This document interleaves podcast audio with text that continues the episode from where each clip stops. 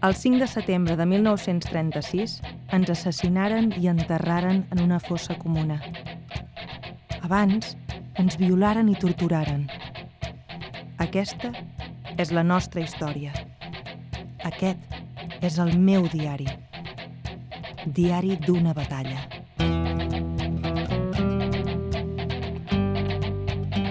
L'any 1938, la premsa de Manacor va publicar les transcripcions d'un misteriós diari.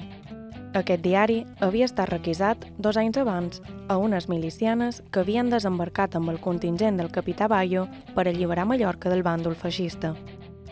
La missió s'havia iniciat a Barcelona amb mostres d'alegria i ànims, però va esdevenir un ple improvisat i ple d'errades. El fracàs va acabar amb una retirada desordenada i membres de l'expedició quedaren a terra abandonats. Allà trobaren la mort a mans de l'enemic. Aquest diari explica aquests fets, però no ens diu qui les va matar, per què lluitaven i, el més important, qui eren. Quin fred, raïra de bet, quan bufa l'airet de la matinada, tallant com un ganivet de fulla esmolada. Doncs encara fa més fred el parapet d'avançada. Fred de nit estelada, amb el cel cruel i net, quan hi ha glaçada, i cap llit no és prou estret ni té prou flaçada. Doncs encara fa més fred el parapet d'avançada. Quin fred al cor, camarada. Miliciana. Diari d'una batalla. Benvinguts a Miliciana, diari d'una batalla. Ja fa una setmana que les milicianes són a Mallorca, una illa en guerra, o almenys el tros de Llevant, per on desembarcar l'expedició de Bayo. De moment, no s'han fet gaires avenços en l'alliberament. Els dies 23, 24 i 25 d'agost són dies en els quals s'accentua la sensació de desorganització i la falta d'informació, i on la mort, d'una manera o altra, ja forma part del dia a dia. No debades, això és la guerra. Som na Blanc Orell i vos guiaré durant els següents minuts. 3, 2, 1, entram. Companys, si sabeu on dorm la lluna blanca, digueu-li que la vull, però no puc anar a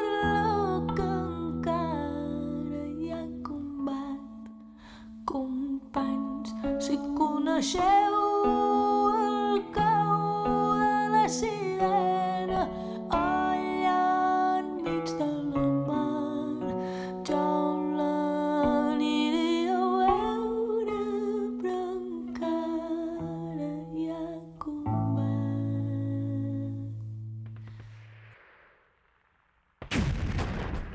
Capítol 3. La guerra. Nosaltres vàrem partir el dia 28 de juliol perquè mos érem amenaçats. I,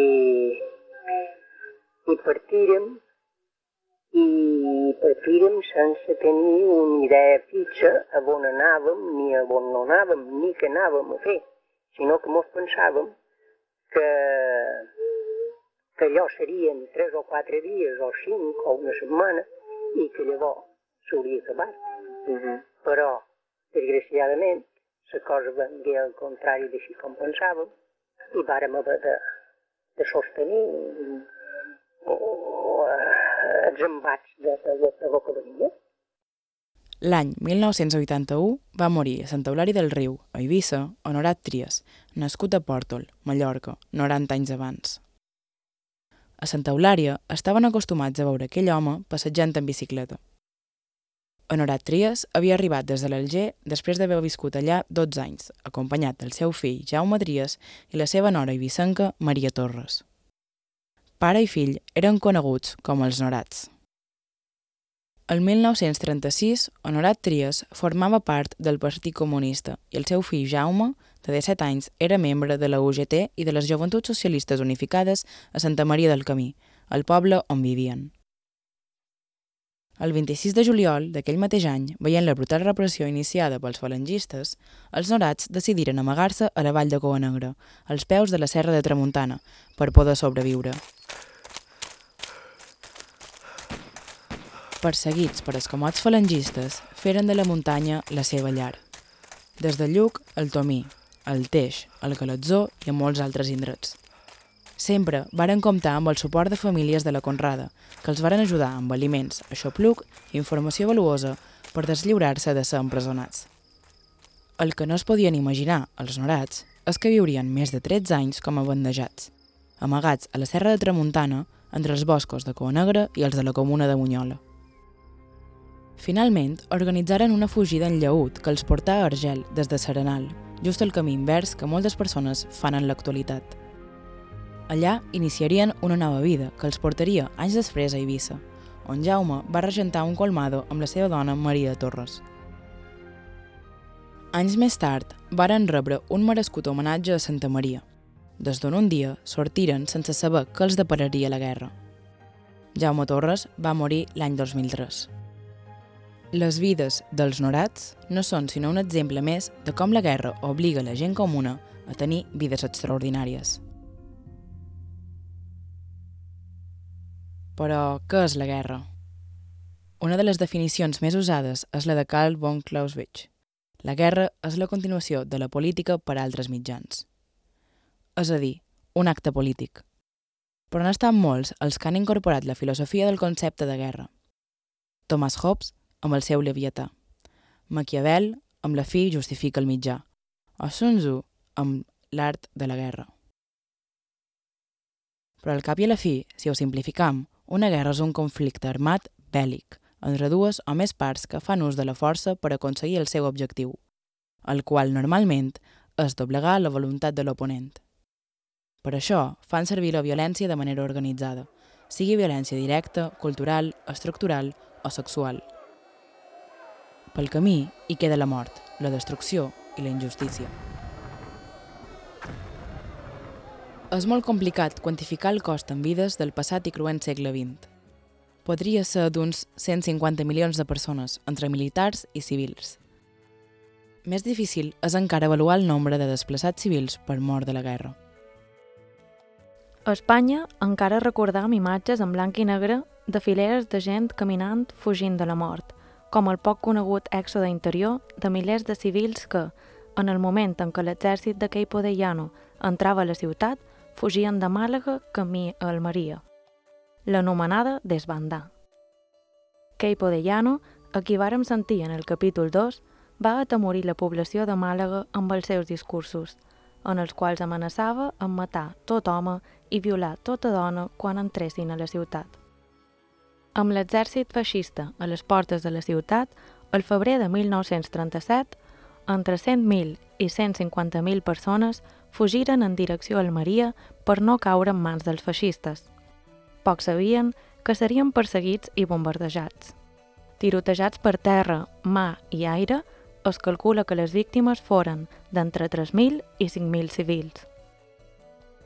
Un dels creuers que va participar en el bombardeig contra els civils va ser el Baleares, que va ser enfonsat un any més tard junt amb 700 membres de la tripulació. A dia d'avui, al Parc de la Feixina de Palma hi ha un monòlit erigit en temps franquistes en memòria del naufragi del Baleares. Cap menció, però, a la desbandar. La Gran Guerra ja va donar mostres del que podria ser la resta del segle XX. Per intentar evitar-ho, el 1928 la majoria de potències mundials signaren el pacte de Briankelog, que bàsicament era un tractat per no fer servir la guerra per solventar controvèrsies entre estats. Arran d'això, la Constitució de la Segona República Espanyola deia en l'article 6 Espanya renuncia a la guerra com a instrument de política nacional. Tota una victòria pels antimilitaristes. Poc es podien imaginar, però que uns anys més tard, part de l'exèrcit s'alçaria contra la legítima república escollida democràticament, iniciant així una guerra civil que va obligar a la gent comú a tenir vides extraordinàries.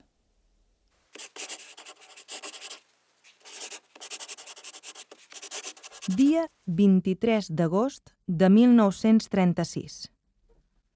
Ens aixequem a les 4.30 en un estat penós, plenes de palla i pols i un geni de mil dimonis.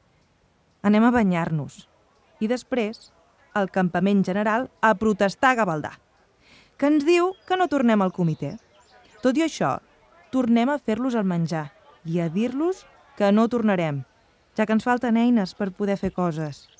Com és de suposar, no els ha fet gens de gràcia.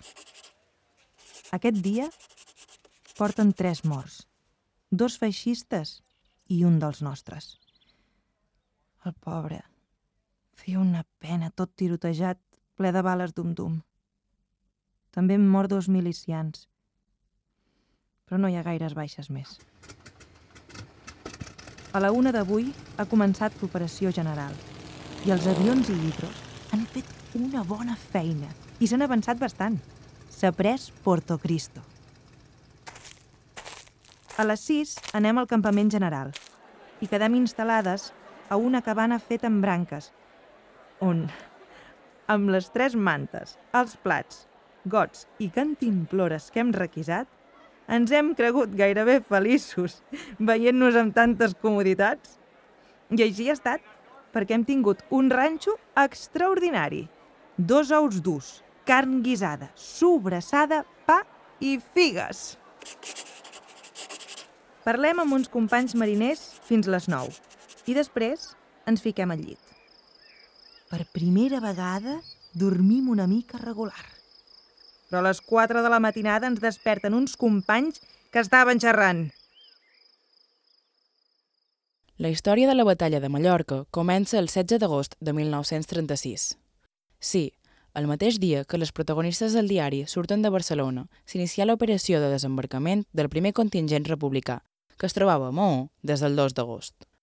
A Maó, al voltant del dia 14, el capità Bayo rep l'ordre del comitè de milícies de desembarcar a Mallorca en 48 hores o tornar a Barcelona. Bayo intenta organitzar l'operació amb altres grups de milicians que es troben a la zona, però finalment no arriba a un acord ni amb els milicians anarquistes de la FAI, que es troben a Cabrera, ni amb la columna Manuel Uribarri, que venia de València i va decidir tornar a la península. Dia 15 d'agost, el capità Bayo volà des de Menorca cap a Cabrera per parlar amb les columnes de la CNT que s'hi havien desplegat. Bayo els demanà que ataquessin Mallorca per la Dragonera, el lloc oposat de l'illa on finalment varen desembarcar. Així, podrien fer un foc de distracció que els donaria avantatge. Els anarquistes es varen negar i varen dir que no participarien de l'operació. El dia següent, sense avisar ningú i per iniciativa pròpia, varen desembarcar a Porto Cristo. En primera instància, varen desembarcar sense gaires problemes i passaren algunes hores de rapinya per les cases buides, ja que els habitants havien fuit camí de Manacor, on varen donar avís. Aquest fet sembla que accelerà la resposta dels revoltats. Després d'hores de preparació i embarcament de material i de tropes, surten dos destructors, un canyoner, un torpeder, tres submarins, barcasses per desembarcar la tropa, tres vaixells on es transportava tropa i el buc hospital Marquès de Comillas, a més d'una vuitena d'hidroavions, del port de Maó a la una de la matinada del dia 16 d'agost rump a Mallorca. És mal de dir, però és possible que la tropa la formessin entre 3.000 i 4.000 persones, entre personal de l'exèrcit i de les milícies. I ens els podem imaginar dins les tripes dels vaixells, l'expedició de milicians i milicianes. Pot ser atemorits, pot ser alegres per la idealització d'una victòria fàcil i segura, sense saber molts d'ells que la mort els esperava a l'illa. A la matinada del dia 16, ja quan el dia s'aclaria i sense la protecció de la nit, es va iniciar el desembarcament a Puntamé, un indret entre Porto Cristo i Son Cervera, escollit per estar allunyat de l'artilleria de l'exèrcit revoltat i de la carretera principal de Manacor, des d'on podrien arribar els reforços dels falangistes.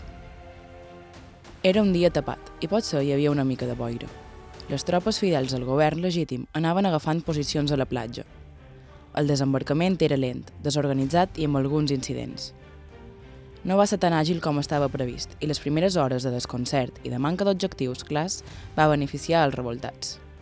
Aquestes hores d'indecisió i desorganització del desembarcament varen ser suficients per poder organitzar una defensa.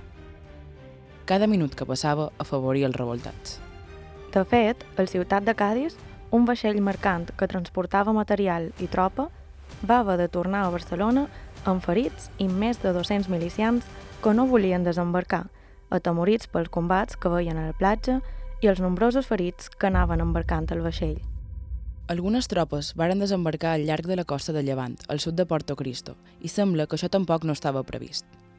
Des de Porto Cristo és des d'on va venir més foc d'artilleria i dispars d'un petit grup de guàrdies. Així és com arribaren les primeres baixes dels dos bàndols. Va arribar la resposta revoltada. Des de Manacor i des d'altres localitats es varen mobilitzar militars, guàrdies civils, falangistes i altres civils afins al cop d'estat. En poques hores, un petit exèrcit es va enfortir a la cova dels Ams, a la sortida de Porto Cristo a la carretera de Manacor. Durant el dia 16, amb un front d'alguns quilòmetres i amb els feixistes ja organitzats a les afores de Porto Cristo, les milícies varen caure en una emboscada, aprofitant l'orografia del terreny desconegut pels desembarcats. El mateix Bayo ho va deixar escrit en les seves memòries, on comenta que el desembarcament va ser una sagnia que va costar la vida a més de 400 soldats i milicians.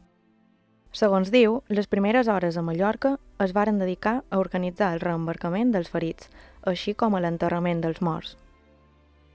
Cal dir que el bàndol revoltat també va patir baixes, tot i que moltes menys. Alguns d'ells eren militars o guàrdies civils i d'altres voluntaris. Als cementiris de Mallorca es poden trobar moltes làpides de caiguts pel bàndol revoltat amb inscripcions que fan referència a la guerra. Com aquesta, que conserva la memòria d'aquests fets i diu així. Aquí reposan los restos del capitán de infantería don Julián Salom Calafell y del teniente de infantería don Antonio Garau Fargas, que murieron en el frente de Porto Cristo en defensa de la patria y nuestra isla el 17 de agosto de 1936. Almenys aquests varen tenir sepultura i la família els va poder rendir honors, no com d'altres que encara esperen en qualsevol indret pou o fossa comuna.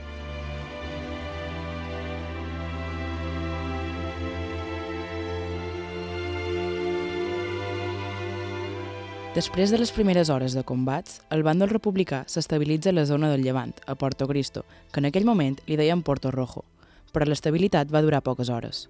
L'exèrcit colpista va recuperar Porto Cristo i assassinar tots els ferits de l'Hospital de Sang de campanya. Els republicans havien muntat un hospital de campanya a l'Hotel Parelló per atendre els seus ferits. L'hospital va comptar amb l'atenció d'unes monges de la Caritat de Porto Cristo, que no varen voler fugir. Dia 17 d'agost, quan recuperaren la població, els feixistes varen matar els ferits i amb els cadàvers feren una foguera. Finalment, després de les baixes dels primers dies, els republicans es varen retirar del sud de Porto Cristo i sols varen mantenir el famós Parapeto de la Muerte. El Parapeto de la Muerte era un punt de vigilància sobre un penya-segat al final de la carretera que cor paral·lela a la platja. Des d'aquell punt, que va esdevenir inexpugnable, es tenia una visió panoràmica de Porto Cristo. L'encarregat de la defensa d'aquest punt estratègic va ser el capità Zapatero, que comandava una columna integrada per milicians del PSUC i d'estat català.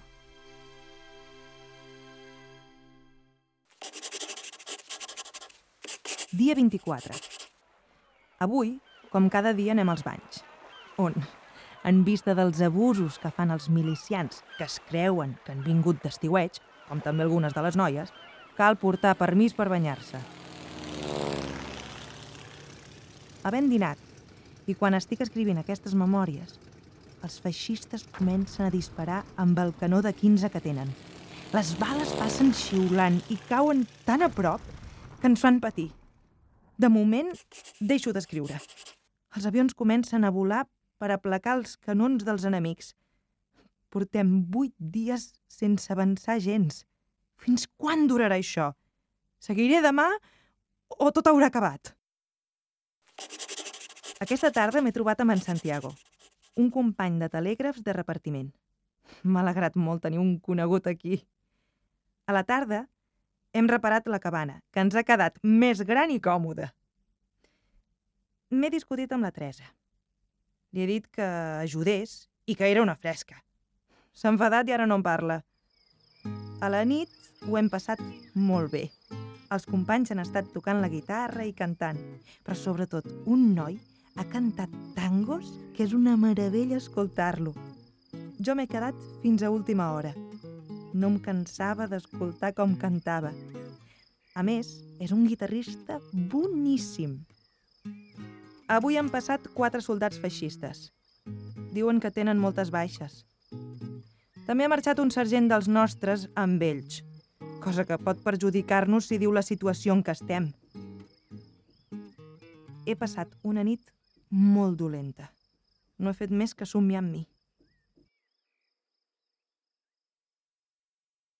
Durant la Guerra Civil Espanyola hi va haver moltes desercions, malgrat el risc de caure presoners. Molts abandonaven un bàndol per causes polítiques, però eren molt més els que l'abandonaven per poder retrobar-se amb els familiars que es trobaven a l'altre costat del front. Pel que fa al concepte de presoner de guerra, regulat pel Conveni de Ginebra l'any 1929, on s'acordava el tracte que s'havia de donar als presoners del bàndol contrari, va tenir poca incidència a la Guerra Civil Espanyola. Bàsicament, es va fer servir en presoners d'altres nacionalitats que varen participar en la guerra. Els presoners espanyols, però, eren vistos com enemics polítics que s'havien de depurar. Enviar-los novament al front com a soldats es feia difícil, ja que dubtaven de la seva fidelitat. Per això, la majoria els enviaven a batallons de treball o eren afusellats. se feien presoners, se feien, se feien i se'n passaven qualcun, se'n passaven qualcun. Jo, una, en una ocasió que vàrem avançar, eh, on mos varen aturar, com que es cap d'una estona hi havia dos de transmissions que se varen, va, se varen mesclar amb nosaltres que els al·lots estaven perduts. I quan se van entendre, van estar amb nosaltres. Això ha estat, ha estat el que m'ha fet més assumpte a la vida. Que els dos eren lots joves. I, i el comandant van, van, van veure que eren, que eren republicans. I el comandant va dir, ver-se, marxar-se i hi havia una brigadilla de moros. Ja sabien la consigna com van ser. Vint passen fora. De la mà ha estat la cosa que m'ha fet més un de mal, que els alhora estaven perduts. Estaven perduts, que els alhora els havien d'haver fets pressioners, però els van fer aquell número, això ho he vist també, van fer de tot.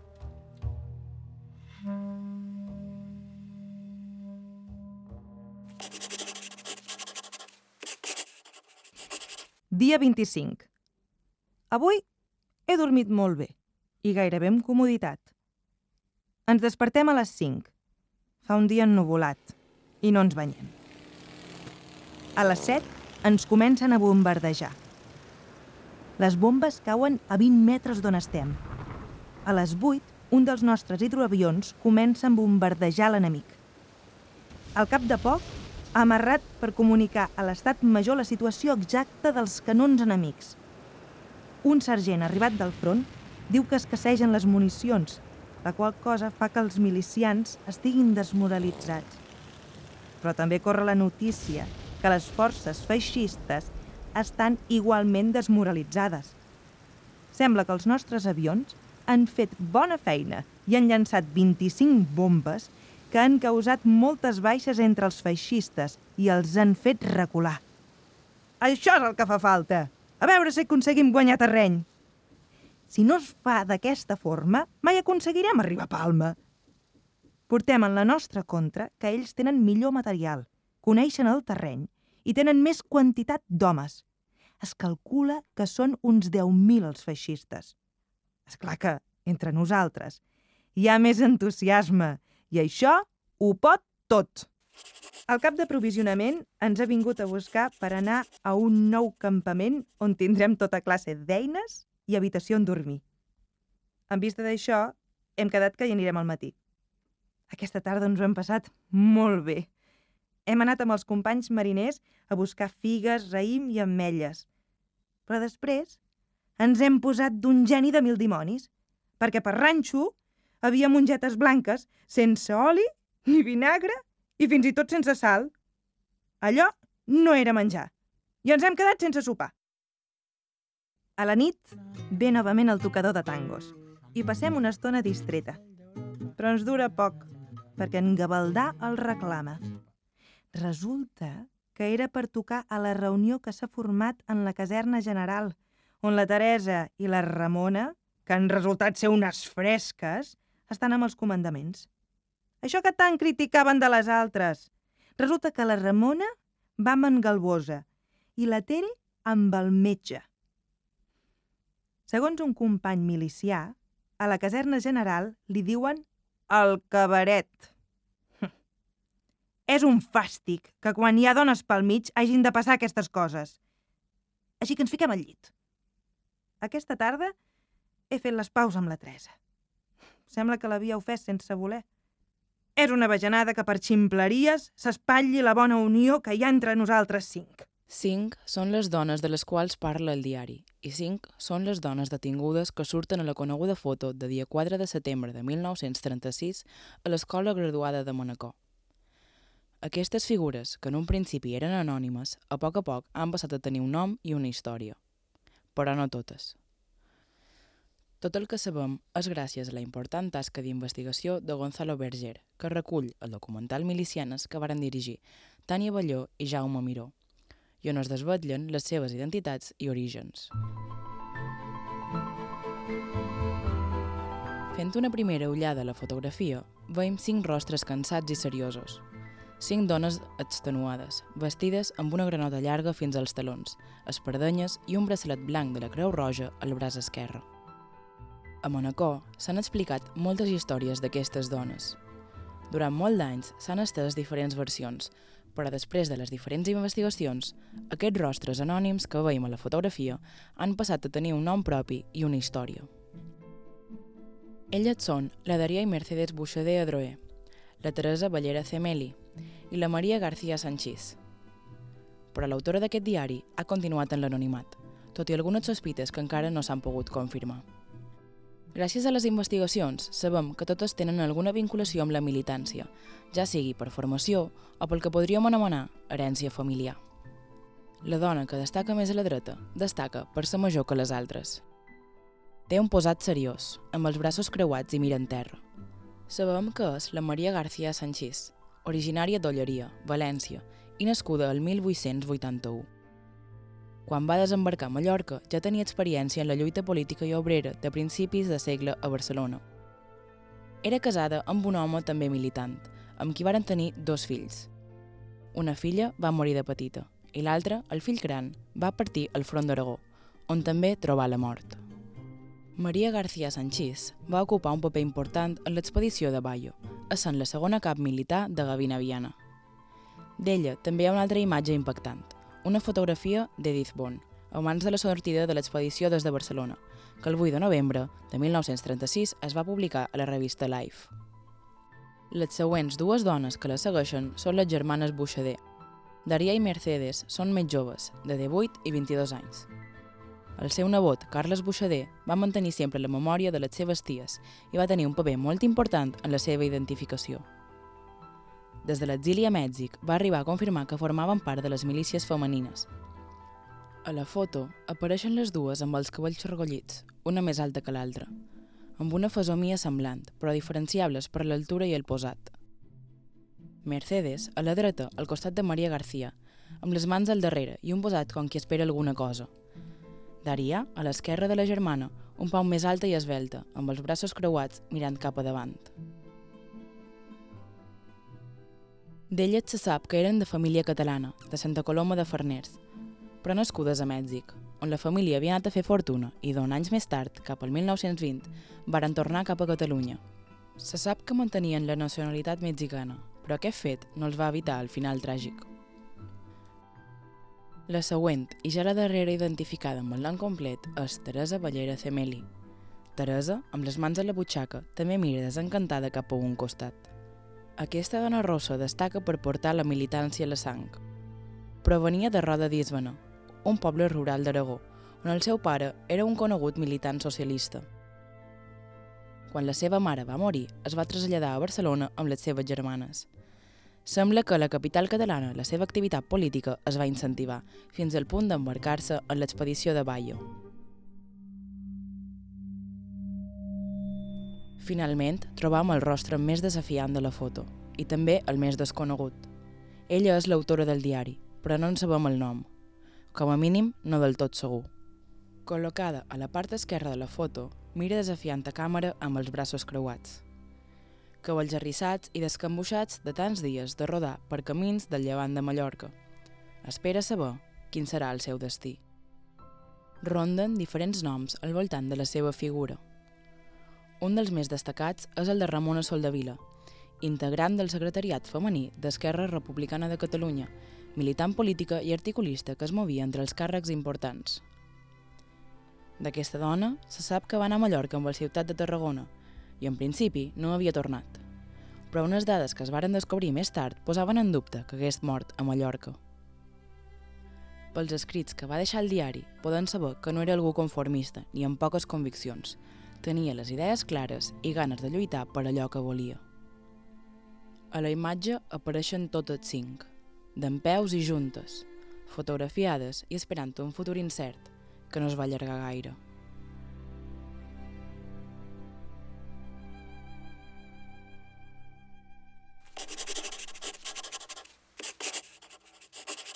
Dia 26.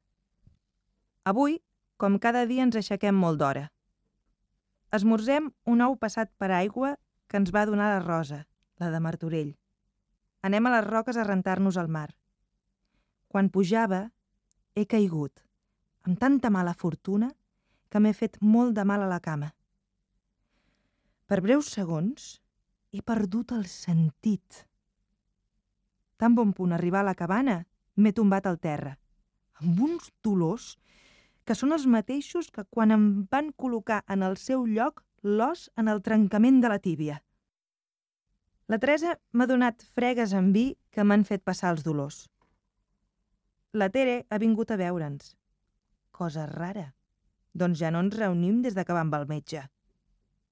En veure com estava m'ha portat alcohol per donar-me fregues, però tampoc ha aconseguit res. En vista d'això, la Tere ha anat al metge i han vingut amb una llitera per portar-me a la infermeria. Allà m'han mirat la cama, posant-me ioda amb àrnica, cotó i gassa, i m'han dit que faci repòs. He vingut fins a la cabana amb un pal i amb molt de dolor, i de seguida m'he tombat. No em trobo gens bé. I tinc uns dolors molt forts.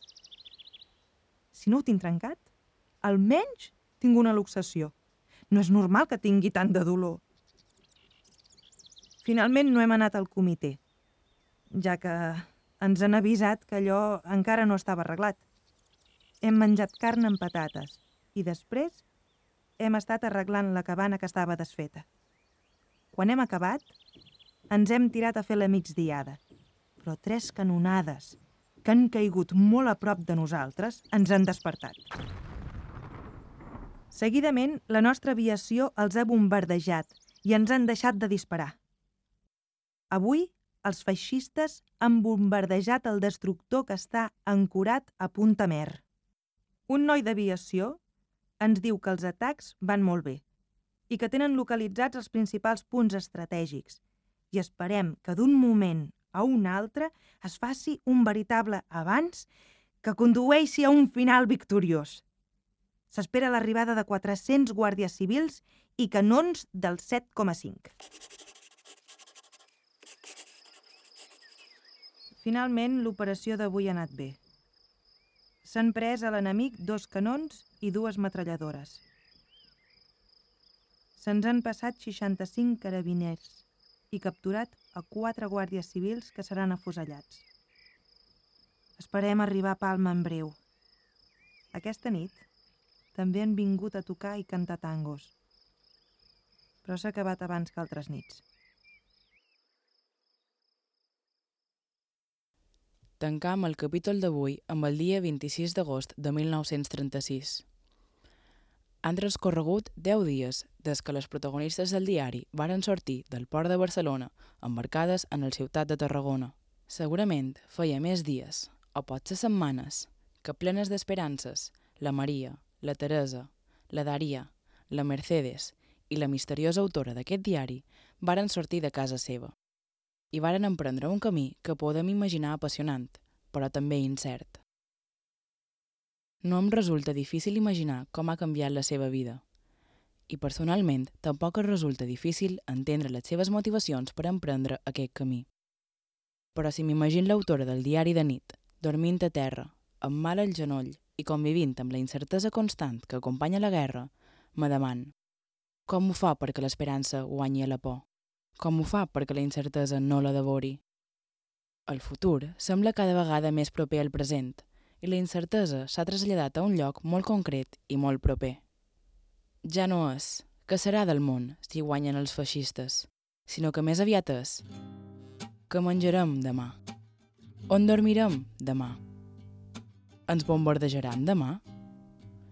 Seré viva demà?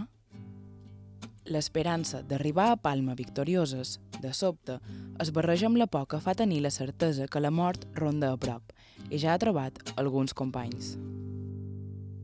Dames de foc, que no et prenguin el lloc. Tinc molt clar jo qui sóc, ningú em dirà vals poc.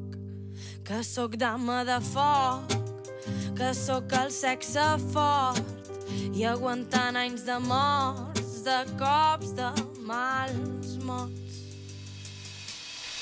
No et creguis mentides. Si en voleu saber més, La Segunda Guerra Mundial, una història gràfica, de Anthony Vivor i il·lustrat per Eugènia Anglès, de Pasado i Presente. Muntanyes de cua negra, de Mateu Morro, de l'editorial Documente Balear, sobre la vida dels norats.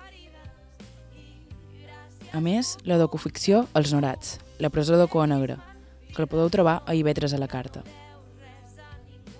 Moriren dues vegades, d'Antoni Tugores, editat per Leonard Montaner.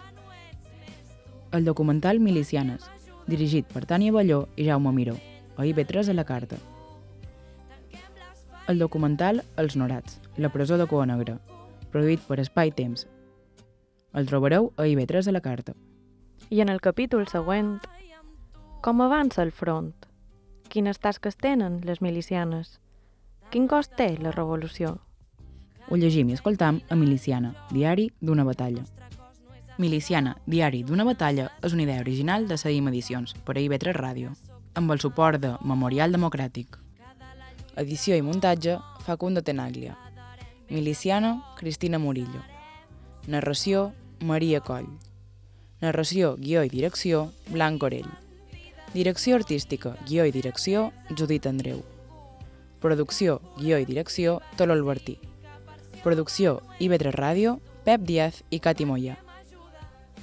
Un podcast d'IB3 Ràdio. Tanquem les ferides i gràcies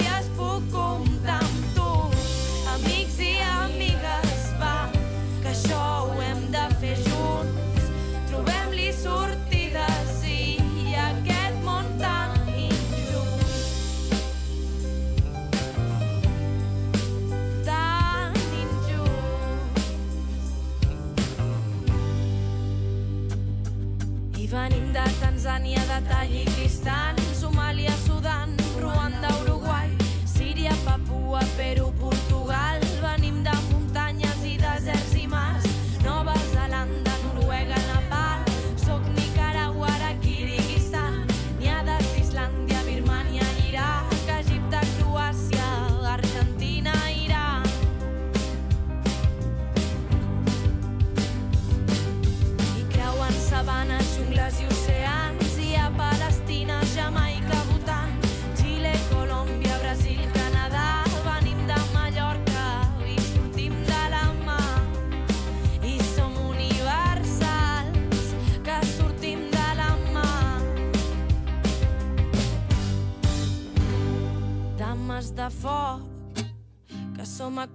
qualsevol lloc, que sortim de per